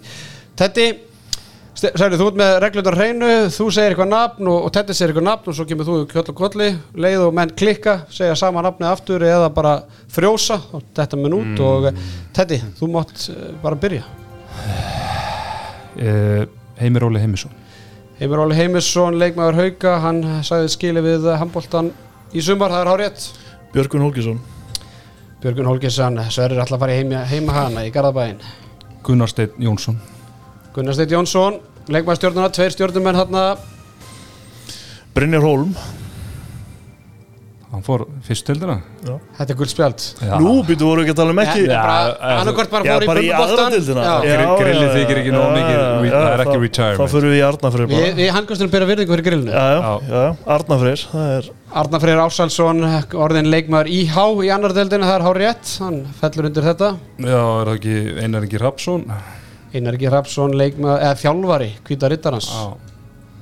Höfum þá reynu að þetta eru hátt í 30 leikmenn sem að hættu í deildinni frá því Svo fyrra. ég, ég er að vera tómur sko Nei, nei Ha, maður þarf eitthvað að hugsa þetta sko úf, úf, ég var náttúrulega bara í grillinu í fyrra sko. ég, og þá er ég ekkert að pæla í þessu sko. það er Þú lítur að hafa reynd við eitthvað leikmenn í sumar Eh, Já, hérna Breki, hérna, minn maður, fjölinsmaður Breki, Breki Dagsson, Breki Dagsson. greina reyndir hann í sumar. Þá fer ég þá fer ég er að. Stefán Dari Þórsson ekki spurningi, var að nefna eitt leikmann sem hætti í sumar? Ég var bara, ég var ekki að hlusta á það sko. ég, og maður tala um hann í varandi alveg í BF sem við vorum að þakka. Já, já, já, Teddy maður, Theodor Já, Jesús. Já. Þetta Sigurðsson. Æja, þetta er nú meiri vitlis að maður Erðu? Já, já, já. Jam, jam, jam, jam, jam Býtti á Þorg, nei, Toggi, hann hætti hitti fyrir það Herru Pétur Jún. Pétur Júniusson að sjálfsögðu hætti hjá afturöldingu til skammatöl þar.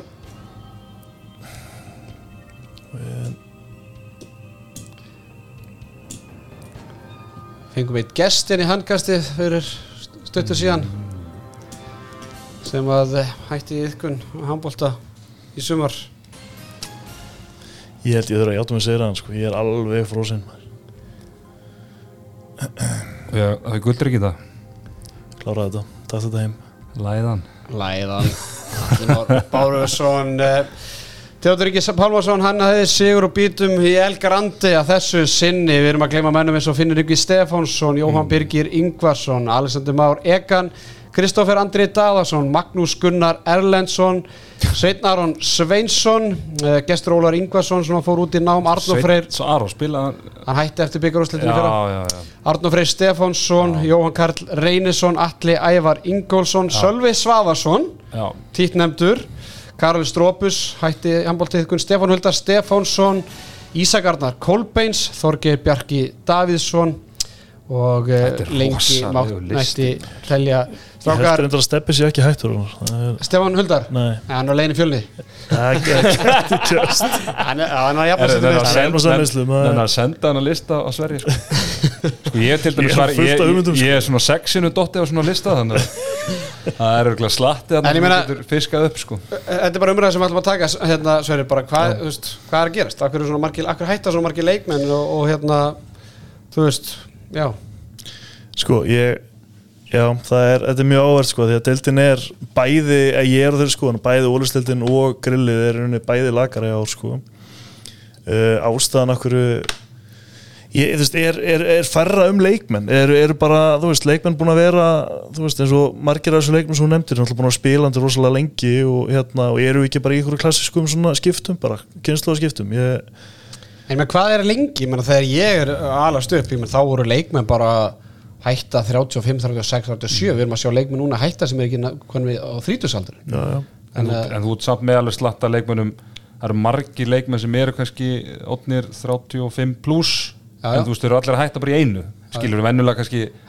sko. svona úr þessu smátt og smátt en það, það er svolítið 30 leikmenn sem hætta og ég er ekki með að telja, ég held að sé svona 15-20 leikmenn sem fara út í aðdurmönsku eða erlendi leikmenn sem horfa á braut eða eitthvað. Ég meina þetta eru bara 3-4 leikmanna hópar Já. þetta er bara einn fjórði af deildinni sem bara hverfur úr deildinni þetta er bara þrýr og hálfur fjóri leikmenn per lið sko. Ég velti fyrir mér, hérna, Tetti, þú sem endur skoðandi, ég meina, er verðbólkan að hafa áhrif þarna? Eða, eru leikmenn bara farin að virða eins meira tíman, meira bara, herru, ég ætla að fara að freka bara einhverju kvöldvinnu eða einhverju pípar sem vilja bara freka að taka einhverju helgavinnu eða aukavinnu, þú veist að, ég meina, félögin, bara, það verður bara viðkennast. Það er ekki bara borga leikmanni nummer 8, 9, 10, 11, 12, 13, 14. það sem er, það sem svona er svona áhugaverðast við þetta er að leikmenn Breki Dagsson þú veist, Arnar Freyr Ársalsson Stefán Darri, þetta eru leikmenn veist, sem eru bara, þeir eru kjótni þrítugir sko, þú veist, 29 ára en eru búin að vera kannski- Birgir. Jó, Birgir skilur, þetta er kannski leikmenn sem eru búin að vera í þessu lengi og, og þú veist bara kálum með fjölskyldu og eitthvað og þá bara verið það er svo segir, tíma sinn betur og, og er ekki það vel borgað að það bara hérna, sé þess virði sko. Þriðja vaktin geti haft áhrif. þriða vaktin, ég meina þessi menn munu allir standa á vaktina á hérna hvenna frídeginum hérna 24. oktober eða hvenna það er. Heimir Óli, heimir leið, þú veist, það er til dæmis leikmann sem er búin að vera leiðin að hætta bara í nokkur ár skiluru og allir, en svo er hérna af því að tala um þetta, að ég man ég tók þetta einhvern tíma saman fyrir setnumilgina fyrir nokkrum ára síðan. Af því að hérna, þú veist, ég kem inn í deildin aftur 2014 þá, þá áttu í í hörku formi. Hörku, hörkustandi. Og þannig er ég 27 ára. Og hérna, ég bara man svo vel eftir og hvað var mikið sjokk eiginlega innan gæsalappa, ég var svona gamli kallin í liðinu skilju, og Andri Berg var eldri en ég. Annars var ég næst elstur í liðinu. Og svo bara pældi ég hann síðan er gammal þarna? 27 ára. Já. og hérna uh, og tek hann mitt ótrúlega comeback. En hérna, en svo bara fór ég að hugsa um öll liðin sem voru í deildinu þá. Þú veist, bara valur skilur, bestu gæðar það voru allir bestu gæðarnir í öllu liðunum voru kannski gæjar 20 ára til 23 ára. Þú veist, gömlukallandi voru, þú veist, Kári Kristján hann var, þú veist, 30 Jón Þorbjörni 31, 32 eitthvað svo leið, skilur það voru engin svona 35 pluss gæjar það var miklu svona yngri deild og svo gerist það árinu eftir þá fara að koma leikmenn svolítið að streyma heim úr atvinnumennsku skilur og þá bara eldist deildinn og, og það er kannski bara leikmenn sem að veist, leikmenn sem koma heim úr atvinnumennsku eru þeir leikmenn sem að eru, lík, 30 eru, eru líklegasti til að vera í þessu 36-7 ára? Að þeir eru bara handbóltamenn Og er að fá borga að fá borgað og þeir eru bara identity að vera handbóltamæður þannig að þeir eru náttúrulega bara að kreista þann siðil og eru yfirlt á bara góðu launum með íslenska leikmenn. Reyna að kreista það eins lengi og hægt er. Þarna 2014 þá er bara rosalega lítið um leikmenn sem hafa komið tilbaka bara voru allir, en við vorum með örgulega 40-50 leikmenn í atvinnumensku á þeim tíma en þú veist, núna erum við bara akkurat og þetta er bara að vera þróun í síðustu tíu ár. Deildin hefur alltaf bara verið eldast og eldast og sér bara stjórninni fyrra, bara með Gunnarstein hérna Bjögga, skilur Tandra, bara fullt af gömlum köllum, bara skilur inn að gæsa lappa en svo er bara eins og þú segir, þetta bara gerist svona, eins og hendi sé veifað. Að þá bara fara þér Bara 50 leikmenn sem bara Já, hverfa. og, og við erum bara einhverju leiti kannski í svipari stöðu þá bara og við vorum þá fyrir nýja ári síðan sko. en svo spyr maður þessi líka ég sko með fjárhæðin og annað og hérna en það sem ég hef svona lent í svolítið eftir að ég fór að þjálfa og hérna maður er að heyra í mönnum og mér finnst, vera ákveðin kultúrbreyting líka í bara meðal ungu leikmanna. Mér finnst miklu algengar að menn eru tilbúinir að hætta 25 fjara ára þegar kannski ég á þessum tíma og þið tengjur bara við það líka þú veist, maður upplýði sem maður var bara handbóltamæður það var, þú varst að fara að vera í handbólta einhvern veginn og hérna en eins og ég segja, mér, mér finnst ég lenda að maður lendir í því að vera að tala við strákar sem er bara góður í handbólta, bara besta aldri meðsla fríir og góður en þeir bara einhvern veginn Men ég ger þetta, bara 21 Já, árs bara, þú veist, bara eitthvað bara, tók, bara alltaf einbæða mér að vera góður námsmaður eða skilur þú veist bara snúðlega í vakstaræktin líka og, svo fór ég reyndar, svo byrjaði með bodybuilding career reyndar, en þú veist, en það er alveg ég held að það sé alltaf einhverjir einhverjir þannig sko En ég held að eins núna, ég veit það það sem. Sverri kannski að tala er að þú veist það er kannski strákar sem að koma upp úr einhverjum félagum sem eigi ekki séns Mhm. en fyrir með tíu ára þá gáttu þið fara í fylki þeir gáttu fara í káir, þeir gáttu fara í þrótt Mhm. en núna fyrir leikmenn sem eru kannski þá er ekki að tala um þessu ólistelda klassa þetta er leikmenn sem eru númer 15, 16, 17, 18, 19, 20 í leikmennhópunum Mhm. þannig gáttu þið leitað í, eins og ég segi, þú veist þeir gáttu farið í íhjá Hamrana, eða Mílan, Fjölnir, Fylkir þarna voru bara fleiri lið en núna er þeir einhvern veginn hangandi bara í uliðunum þangað til þeim þetta eru orðið 23 fjör ára þá bara hætta þér Já. þú veist það er marg uh, ég gæti örgulega gert lista nú á síðustu þrjú fjóra ár af svona 40 leikmönnum sem að hafa aldrei farið úr uppeldisfélaginu sinu en eru hættir. Ég meina þú sérði F ég meina íhjáliði núna þetta er alveg stráka sem gætu verið í öðru liðum þú veist í fyrstöldinni eða væri þróttur eða væri fylgir eða skilur mig en einhvern veginn er bara ég veit ekki, ég úti, eða skilum við og svo hef ég líka eins og ég, Sverri, ég var alveg í sambandi við því fyrra, ég var að reyna að hjálpa einhverjum le- leikmannum að finna sér lið sem voru að kannski að komast ekki að í bestu liðunum. Og Sverri sagði bara, herru, ég er bara með uppalinn fjölninsmann sem að, veist, ég vil frekar nota. Eða skilum við, þannig að kannski er bara ekki heldur bara staður fyrir þessar stráka sem, sem kannski mögulega eftir fjögur ár væri bara orðnir ólistölda leikmenn Já, ég held nefnilega, við erum að vinna svolítið gegn okkur sérst handbóltinn, handbóltarreyfingin við, ég, ég er á þeirri skoðan og það er að endur skoða hérna þessa, þetta ulis fyrirkomulag og hérna, því að það er hvatinn fyrir leikmenn að fara og prófa aðra hluti er bara, þú veist, eins og þegar ég heyri í einhverjum valsara sem ég vil fá að lána eða eitthvað, veist, hann segir bara, ég er að spila sömu deild og þú, sko, og ég er á bekknum ég er með 15 á bekknum í og ég er að æfa um bjögg og pettis Já, ég er að segja, þú veist, það er, við erum bara það er orðið of algengt að þessi st- stærstu liðin segir þú ekki bara, já, ég er með Viktor Lekve sem afstæðan En það er orðið algengt að lið, stærstu liðin þau sitja bara á 20-30 leikmunum sko. og þú veist, strákur sem er ekki breyka að fara að spila noktum með liðin en eins og þú nefnir með bara hamranir í á bara eins og það var hérna áður fyrir þróttur, þú veist, er K.R. Já, veist, við erum bara, við erum að ég held við séum að vinna svolítið gegn okkur ég held að það geti líka útskýrt af hverju við erum að missa eins og ég segi, bara fína handbóltastrákar sem eru bara, sjá ekki, sjá ekki fram á að geta að spila með sínu liði og fara bara að gera eitthvað annað. Svo, bara bara svo í lokinn þetta er svona umræða sem ég langar að taka bara áfram einhvern tímann næstu, næstu vikum er bara, þú veist, fjárhagsstaða félagana bara, þú veist, hvernig anskotana getur hvert körbáltafélag landsins ár eftir ár eftir ár, við erum eitthvað þrjá fjóra aturumenn erlenda pluss 1-2 íslenska aturmenn á meðan að íslensku liðin ég meina, þú veist við tölum nú bara í síðasta þætti, meina, hvað kostar gróta skilur, hvað kostar háka, hvað það- kostar vikingur það- það- þetta er ekki eins og veist, það er bara hálf deildin þarna er bara rönnuður bara einhverjum gjafabrjöfum í hérna, BK. Já, BK eða hérna, Dominos. eða Dominos sko. Þú veist, það er bara ég klippið út hann með BK Nei, það er bara þannig að hérna, þú veist, það er bara lang flest lið í deildinni eru ódýrari heldur en um voru fyrra hvort sem að það sé bara eitthvað þróuna þegar bara leikmenn hætta og það bara svona tekin einhver ákvörun heru, veist, sleppið frekar bara eða þessum pening veist, fyrst að þeir eru hvort þeir eru að hætta eða bara veist, eins og til dæmis með stjórnun að missa hérna, lít sponsor. En meina það er ekkit hérna, launungamála efnaðsástandi hefur þetta bara aflegandi áhrif á hérna, íþróttarhefinguna þannig að byrja bara í COVID skilur þá náttúrulega bara minka styrkirnir og svo einhvern veginn í, kjölfarið á því að þá hérna færðu, færðu hérna þessa kreppu skilur verðbólguna og hækkandi vexti og allt það. Og þá náttúrulega bara minkar ástöðuna fyrir sponsorana skilur og það náttúrulega bara hefur hérna afleitt áhrif á, á deildina. En það hefur líka þau áhrif að kannski að þú veist, ég held þetta sé svona smá tímabil núna af því við missum svo marga en það þýðir bara fleiri ungi leikmenn fá sénsi fyrir þeir hefði annars gert sem þýðir að verða fyrir góðir. Og hérna svo kannski, þú veist, svo líka kannski að hérna, það er aðeins það er búið að þyrla smá ríki á augun okkur að Aron og Alexander Pettersson koma heim af því að þá glemdum menn svolítið hinnu í, umræðinni og ég óskat bara eftir til dæmis að Aron bara stýji upp og, og verði langbæsti maðurinn í þessari deild sko, þá einhvern veginn hérna, og kannski tekur svolítið fókusun af, af þessu sko, þannig að ja, það er bara rosalega margt í þessu sko. Já, ég meina og svo kannski auðveldra fyrir ykkur að lala leikmenn að komast út, ég meina þú veist, þetta er engin stórnafn sem er að fara í lið til Svíþjóð og Noregi og okkur svona en, en ég held að uh, þetta þetta er bara frábæra umræða sem við munum potið taka áfram í allan vetur en uh, Sverri Andresson, nei Sverri Andresson Nei, nei. Sverri Eyjólfsson. Þér er keim líkir með Já, það já, já. Oft, oft, já, oft er við saman. Og- Já, ok,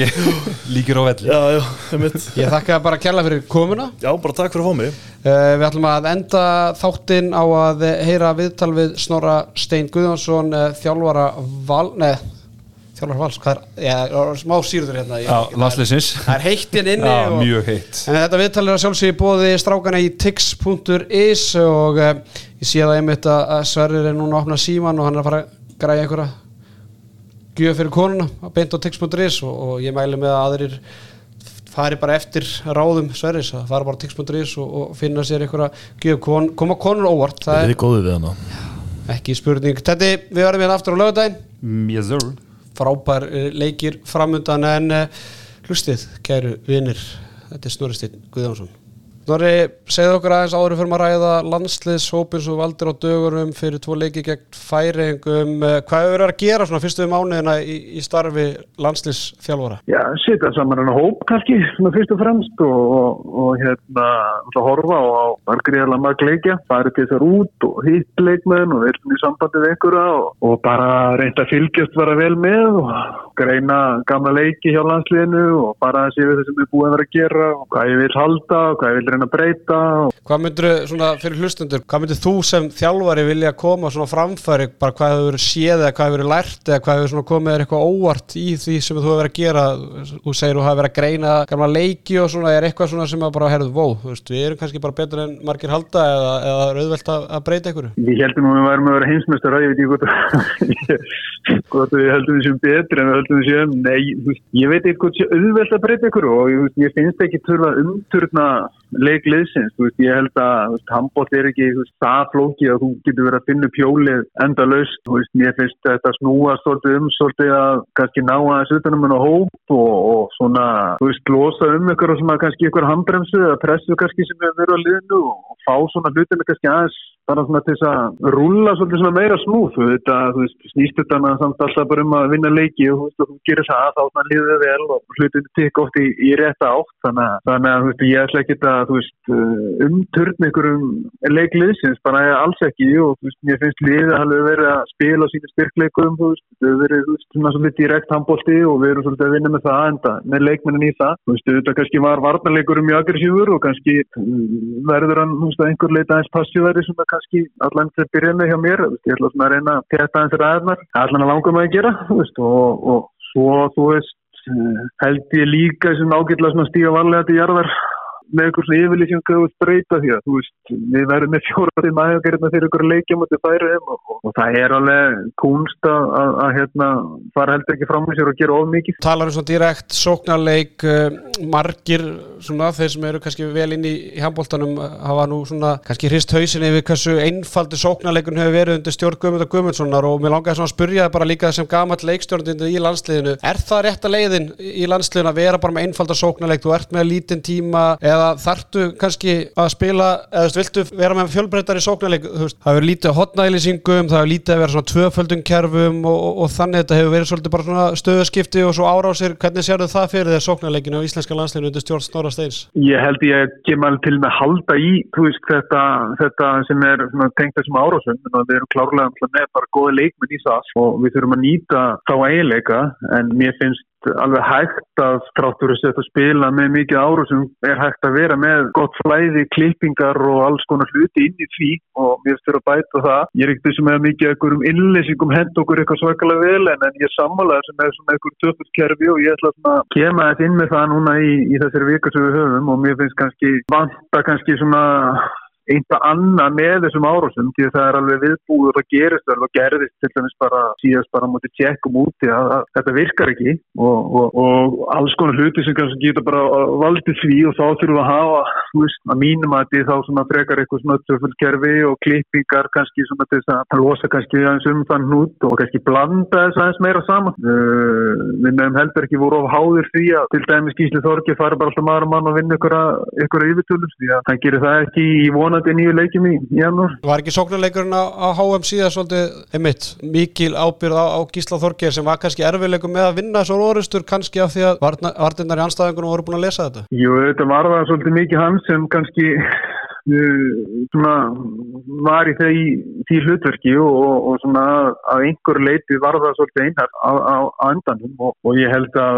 ég og þú báðir eða þú að þjálfa móti Gísla Þorgir ég held að þú myndir að leggja áslá að aldunum einhvern veginn í skefjum. Ég gef ekki upp þannig að að það segir sjálf þannig að þú og þá þurfum við að hafa hluti og við þurfum líka bara á framlegi frá fleirum ef við ætlum okkur langt á móti. Ég, ég fer ekki að því að það er enginn eitt sem drefur vagnir hvað það var þar þó svo, þó svo að bara eins og gengur gerist eru, eru í öllum liðum bara ákveðin líkil menn sem þurfa líka til liður Akkurat, förum aðeins í, í vartanleikin áður förum í leikmannhópin sem valdir, þú talar um að þjætta eins raðirnar, ef ég myndi leikurina valsvörðina undir stjórnsnóra steins, þá var hún svolítið vilt hún var aggressív, leikmenn voru svolítið með frjáls hérna, flæðið, þú kom með eina þorstein sem að Já, vann okkar að leiki bara með því að vera svolítið aggressífur og fá svolítið að leika lausum hala. Þú velur hann í hópin, ætlar að vera með hann í bandi eða verður hann í svipu hlutverki? Sko við tökum bara fyrst kannski svona vartanleikinni heilsinni eitthvað, ég er ekkit eitthvað hrifin að því að það er eitthvað gila menn sem bera saman sjálfvara smörra þegar það var í val og verður í landsliðinu. Við tökum það bara östu þá er það hlutu kannski sem þróast á lengur tíma og þú kynist leikmennum kynist liðinu og sér svona hvað hendar veist, og það bara gerjast einhvern veginn og verður að þessu sem það varð aftur þá höfum við ekki tíman í það kannski með landsliðinu og, og þess að byrja með villi frekar sem er einn að hafa þetta í, í, í, í er naumur. Uh, mér finnst eðlilegra svona að reyna að nálgast þennan part kannski svolítið svona uh, með það fyrir augum sem er að rýna kannski í svolítið hvað menn er að gera í sínu félagslu og, og, og hérna þar eru menn, þú veist, þetta er alltaf áherslur og mismundur hlutur og millir liða alltaf en það er ekki eitthvað heimin að hafa kannski millir, kannski að það er líkil manna í, í, í vartanleiknum, hvað er að gera í sínu félagslu og ég held kannski svona að reyna þess að svona höfða til, til þess og, og reyna þannig að svona, hvað maður segja, minka tíma sem fer að bara þú veist kannski vartanleikurinn eins og var kannski kostaði meiri orku heldur en kannski ég sé hann aðeins fyrir mér. Og vil svona reyna þá við erum ekki svona út um allt en, en, en, en auðvitað er það þú veist, það er rosalega gott að geta svona blanda þessu sem hlutum saman og, og vera þannig svona kannski aðeins ódreifnilegur. Þú er kannski aðeins að tala um eins og með Arnan Freyr Arnarsson var í viðtali hjá okkur fyrir í vetur það sem að hafi ég kendið það bara ofta tíum hafa nú bara ekkert liðið vel í, í þessari vörd sem að Guðmundur Þóruður sett hann í meðlandsliðinu. Nei, bara á fínt dæmi ég held, þú veist að Arnan Freyr eitthvað á stóru svæði með mann einn og einn er þú, það var kannski mitt sem þjálfur ef ég ætla að nota henni þrista auðvitað hugsanlega að gera ykkur lið það að reyna að koma mönnum á hann maður mann eitthvað svoleiðis en, en, en það er kannski mitt að reyna að koma hann með þannig stöðu sem hann líður vel í. Finnst það svona meika meiri sens heldur en, heldur en hitt að reyna að gera úr honum sem er bara ekki góður í. En hérna, en auðvitað, þú veist, gera okkur líka grein fyrir því að þú veist að það er mörg lið sem bara gera út á þetta að fara í ára sér, vinna stöðunum ára mann og þú veist, að það þarf ekki bara að vinna yfirtjöldu, það sónuleikur gengur út á það við þurfum að gera það en, en, en það er að gera það á, á alls konar hátt. Akkurat, uh, förum aðeins í, í leikmannahópin uh, segðu mér, hvaða leikmann var fyrstur á blað? Ísli Þorkir, hann meitur bara. Nei, ég veit það ekki það er bara markmennir, fyrir hann er ekki bara það stöðu til stöðu. Ég, ég veit það ekki, ég gerði bara mjög snemma bara svolítið góðan lista, bara það er fjágúst og, og setti sama bara fullt af nöfnum og bætt við og tekið út og og hef bara svona reynt að ég og Arbar í sammenningu að, að hérna, að vera með svona einhvern hóp í hausnum sem svona, þú veist, gerjast svo bara á og maður sér eitthvað fyrir sér eitthvað svona, eitthvað leikskipalag og, og þú ert að leita bara að alls konar hlutum og, og, og hérna, úr varð, kannski svolítið stór hópur en hérna, en hérna sem ég bara samt er, er sáttu með. Þú hérna velur fjóra leikmenn úr ólýstildinni uh, Magnús Óli Magnússon, hvernig, kannski var svona óæntasta nafni á, á listanum svona fyrir þann sem að, já, kannski er ekkit ólinn í, í, í þessu en, en hvað svona, hvað, hvað hlutar sér það hann fyrir þér í, í hópnum? Um, já, just, já, ég skil það alveg og hann kannski líka koma alveg inn hjá okkur svona, á sveitin stíðum ég hann alltaf vel og, og, og mínum að ég hefði bara verið þegar er heitt heilsu, langt eftir leikmaður rólistildarinnar og, og hérna ég er svo sem hvert að ekki býðið sem þjálfur vals en, en, en ég fannst alltaf já, bara leiðilegt eða fyrir hans og hann skulle alltaf vera að spila á Íslandi. En ég finnst hann bara góður í það og síndi þetta efurveldinni fyrir en, en pælíkin er kannski þú veist, uh, þegar við erum að fara eftir ykkur vikur að velja sem átjámanna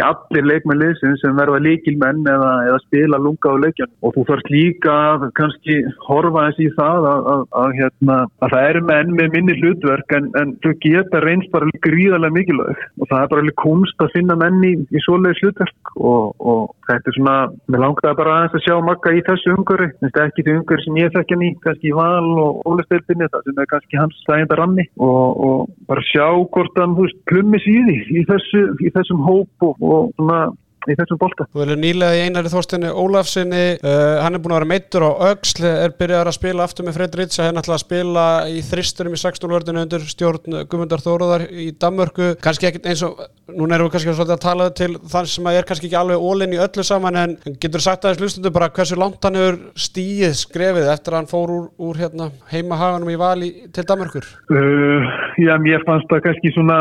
er réttjör, hann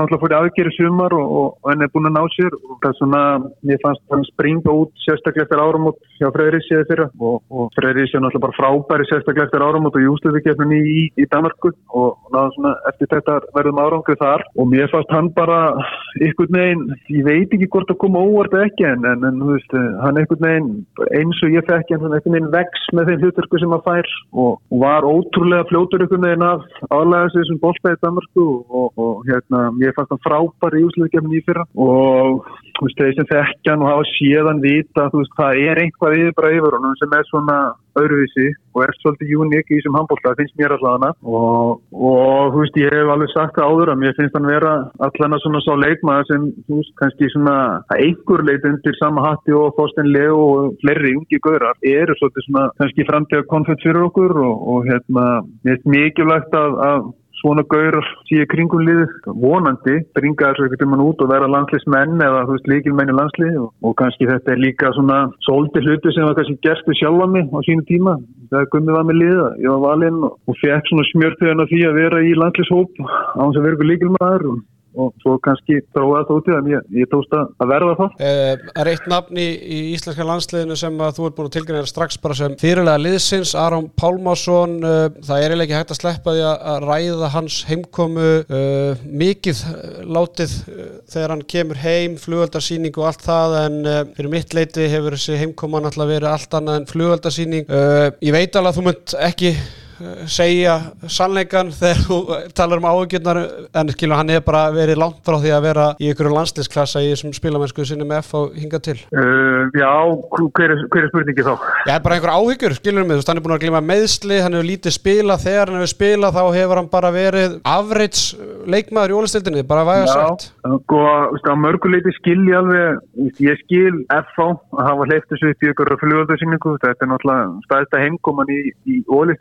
ég var að segja bara alltaf og, og auðvitað gera þeir mikið úr því, uh, ég skil líka alveg að mönnum finnst framistæðan ekki að vera góð og hafa kannski búist við miklu meira af honum. Uh, ég held samt að, að þú veist, flestir vita það sem svona hafa verið í kringu handball, það er erfitt að koma heim og það er alveg saman hvað það heitir og sagan segir okkur bara það að það er, það er challenge að komast í þessu deild og, og, og Rúna Kárásson hefur það afsannað það, er Rúna Kárásson eini leikmann sem hefur afsannað það, röglega, síðustu ár. Já, Björgun Bál, Getur Páll. ekki hann kannski líka. Já, já. Þú veist, já, bara sammála því. Þannig að, þú veist, en það er líka, þú veist, ég er ekkert að segja þetta sé eitthvað algilt, alls ekki. Og hérna, en, en það er bara þú veist, ekki að sjálfur að flytja heim og ræðunmennsku að, að hérna, þetta er bara öðruvísi búbla heldur en þú ert aðdunmaður og, og ég held að sé að glíma við fullt annað heldur en eitthvað bara sjálfan sig, hvað það var var uh, þetta hef ég alveg eitthvað, kannski áhugir er ekki alveg rétt orðið fyrst mér ennþá. En, en ég er mjög spenntur að sjá bara hvernig hann kemur inn í þessu æfingavíku og þessu leikja móti,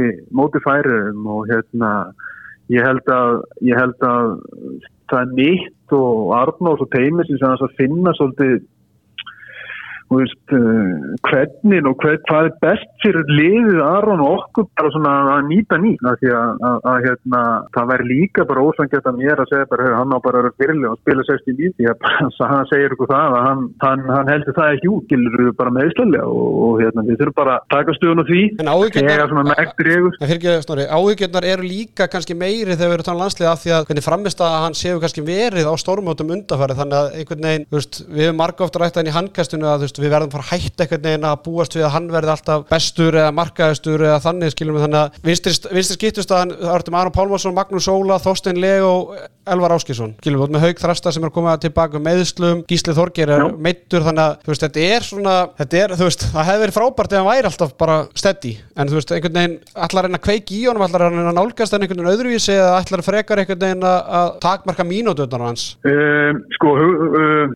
takmarka, ég, sko, hugmyndi mín er að reyna að nota mannskapin. Það er ekki þar með svart að þetta verður ykkur eins og ykkur strætistópustu og ég skipti bara alltaf eftir klukkunni. En, en, en ég finnst mikilvægt og, og leikstíli sem ég langar að spila á stórmóti gerir það verkum og ég þarf aðeins að dreifa álæðinu og, það er Aron ekkert undarskilin. Uh, ég er, veist, það er óá því hvort þessi Aron Gísli Þorgir einhvern annar. Ég er að reyna að nálgast þetta verkefni á þess að vera með of mikið svona fyrirfram ákveðnar hugmyndu. Þetta er ég, hvernig ég ætla að spila, hvað ég ætla að spila og hvaða leikmenn ég vil sjá saman og annars slíkt verður eðlilega allt fast mótað en, en, en, en án þess að hafa fengi menn á gólfitimmin og unni með þeim og upplifa svolítið svona hvernig þeir eru í því þá, þá er ég svona líka að reyna að halda þessu aðeins svona opnu og lega þess að það koma til mig. Um, ég finnst ég vera góður þar, góður í því og alltaf svona reyna að, þú veist, nálgast þetta verkefni aðeins þannig og svo bara eins og gengur og gerist fæ ég eflust fullt, fullt af svörum, sum góð, önnur ekki góð og, og, og svo þarf ég bara að velja að hafna sko þegar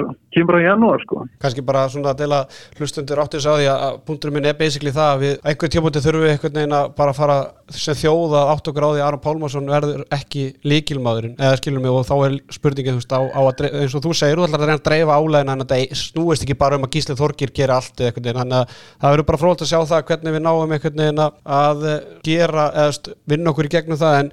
það eh, rétt í lokin uh, ég er náttúrulega bí í Hafnafyrðu og, og stúdíu okkar hérna er í Hafnafyrðu og Haukakórin hann syngur hátt þessa dagana eftir landslýshópurinn á valin uh, þeir vilja meina að þú sért að sniðganga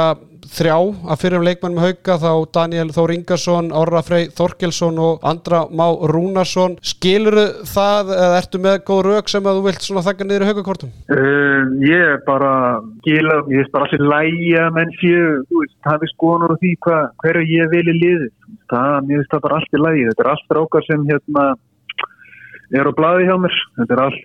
drákar sem ég hort á og fylgt með. Uh, þú veist, ég veit ekki hvort að þú veist, ég er að fara eitthvað að raukstíða allt sem ég vel skilur, ég er bara stend og fell með því sem ég, sem ég geri en, en veist, við getum alveg farið aðeins yfir það. Menn Orri Freyr er bara farið vel á stað og, og gert það sem hann á að gera. Hann er uh, veldu því að við þurfum að hugsa máli þegar við veljum liðið og, og hérna, með kannski ekki alveg ykkur einustu stöði í þessu liði. Og hérna, bara eins og við viljum hafa það. Haugarnir er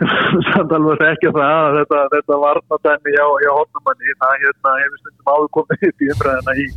í tengslu hal og vinstri hótnumanni sem var þá haugum í hag í hengu skipti og hérna við tökum bara Stífins og dæmi ég, hann hefur varpareiginlenga sem hinnir hafa ekki og ég tók það nú fram líka veist, það er ekki þarmið sagt og það, það funkar í, í þeim bolta sem við ætlum að spila og það funkar í ykkur landslisbolta á stormandi það getur vel verið að það sé eitthvað eitthvað vesen en, en eh, við erum samt sem áður þannig samsættir að, að, að kannski það spila ekki allir leikmenn vörn og svo og, og einhvern dag þurfum við að, að hérna hérna bara kraftana og annars líkt og, og þar hefur Stíðan Bræðilega sem ég vil sjá, sjá í landsleisbólta, ekkur öðru heldur en kannski ég hef upplegað með hann. Uh, hvað ástum við meira? Danna, já. Uh, Danni, þú veist, bara flottur. Þú veist, hefur bara verið fít fyrst mér með, með bænleikin. Ég finnst samt svona, ef við tökum bara varnafaktin, hann er kannski, væri kannski hortið hans svolítið þannig, þá, þá er ég bara með uh, í hófum í dag 5-6 uh, gauðra sem hérna ég sé fyrir sem er sem þrista og þú veist, hann væri þá hugsalega þú veist, við getum þá tekið það að kosta eina þóstin í þessu liði en, en, en, en hérna, ég vil náttúrulega bara að það lið sem ég finnst vera best hverju sinni og, og ég vildi sjá einar í dag, hvað var það þriða? Það var ekki meitt í því búið? Andrei Már Rúnarsson, ég er svona gegn þetta saman Já, uh, Það er þetta með leikmenn sem er að spila í Ísku búndislíkunni þú velur frekar þarna tvo leikmenn í vinstarskiptunni sem er að spila í að spila hérna heima og halda trefið deildina, við veit það ekki. Nei, nei, ég vel bara menn sem ég held að séu góður, sko, ég er ekki að veluna það að menn séu ólistættinni, þetta var ekki að snúst um það, þetta var snúst um það sem ég finnst vera besta lið, ég kom aðeins inn á það ég er líka aðeins að horfa í, í hinn hlutverkin, þú veist, eins og segi við erum með átjón menn húsalega á Stormóndi og, og við fyrir líka aðeins að horfa í það. Það er, það er alveg kúns uh, að gera það, uh, Andri Már bara stóð sér frábóla með 20 ára lið og þú veist, jú, hann er að spila í tölfræðin er ekkit eitthvað svo besta í búndislíkunni, við förum í svona, svona leik en, en hérna, en, en, en veist, hann var bara, hann er bara kandidat og ég held að hann heldur bara rétt að spila og þá fær hann tækifæri og, og svo var þetta líka, þetta er minn fyrstu hópur, þetta er fyrstu skipti sem ég fæ liðið í hendurnar og, og mér fannst svona kannski ekki, ekki mómenti sem fara að gera ofmikið til raunum og, og þetta snýst núna um hvað fyrir mér að kynasliðinu, kynaskörunum og í rauninni verða bara einhverju nær hvernig ég vil gera hlutina og sérstaklega með janúari í, í huga. Sko. Bara síðast spurningin Snorri, þetta búið að vera virkilega fróðlegt. Uh, hver var erfiðast ákvörðun í þessu vali? Erfiðasta? Uh, eftir tala um það ég Þú ert ekki nefna leikmenn bara svona stu, stu, hvaða staða var erfiðast einhvern veginn að fylla í eða, eða gera upp á milli leikmanna Varst Já, eitthvað, varst, kannski, hvað séru? Hvað er, minna þessi leikum sem varst að telja upp, þeir voru allir, þeir voru allir í umræðinni, veist, en, en í endanum var ég bara sáttur, veist, þetta var ekkert eitthvað, þú veist, ég svá alveg, þetta var ekki, ég misti ekki svefni við valin á þessu liði, þetta var, þú veist, um, kannski meira þú veist, hvað auðvitað um taka stóran hóp. Og, þú veist, einfalt, svolítið hlutin er kannski bara með að hafa 21 og auðvitað, þú veist, gera það það verkum að það verða kannski einhverjir smá húlir eftir vikuna og því ég ætla ekki að þetta snýst ekki um að, að hérna, skipta þessu jæmt á milli manna ég hef eins og ég var að segja á hann ég verð með eitthvað ákveðna hugmyndir ég kem að, það kemur að þessu og, og eitthvað sem ég vil sjá og eitthvað sem ég vil sjá í leikjónum og, og hérna svo verður samt að geta hlutinir alveg breyst þegar það er inn á gólfið að koma Er þú sem hafa búin að ringja og takmarka spilamyndur Haug Þrastar í þessu leikum? Nei, hann er ekki búin að því og ég ætti gott spjall við Haug og ég nefndi það nú við hann og spurði hann bara hvort, það væri eitthvað og hann, hann hérna, það er bara það væri ekkert issue með hann eða kjölsi eða meðslinn og, og, og bara þarf við satt sko. Þannig að það er, ég held að flest liðinu maður búið með þá áttur þess en átti gott spjall líka við Benno og hérna og hann er léttur. Það er mjög gott að heyra. Snorri Steinn Guðansson, landsleisjár og íslenska landsleisins, takk hjá alveg fyrir þetta og við kvetum að sjálfsögju íslensku þjóðana til að mæta á þess að tvo leiki. Þetta eru bara einu leikinnir fram að stórmóti, er það ekki rétt í mér? Einu leikinnir er heima. Við, við fyrir út snemma í janúar, 5. janúar, spilum svo leikið Austuríki þar og, og, og við erum bara einn þannig. Já, þetta er eina, eina tækifæri til þess að sjáttur ekki að spila og, og vonandi verður bara eins og eins og hefur verið hingað til skal lofa því Já, já, gott mál. Ég, ég hef góða vinn í haugum, sko. Þeir fyrir ekki um mér, sko. Held ég, sko. Býtu bara, Snorri segir takk hjá fyrir þetta Já, ok. Bye.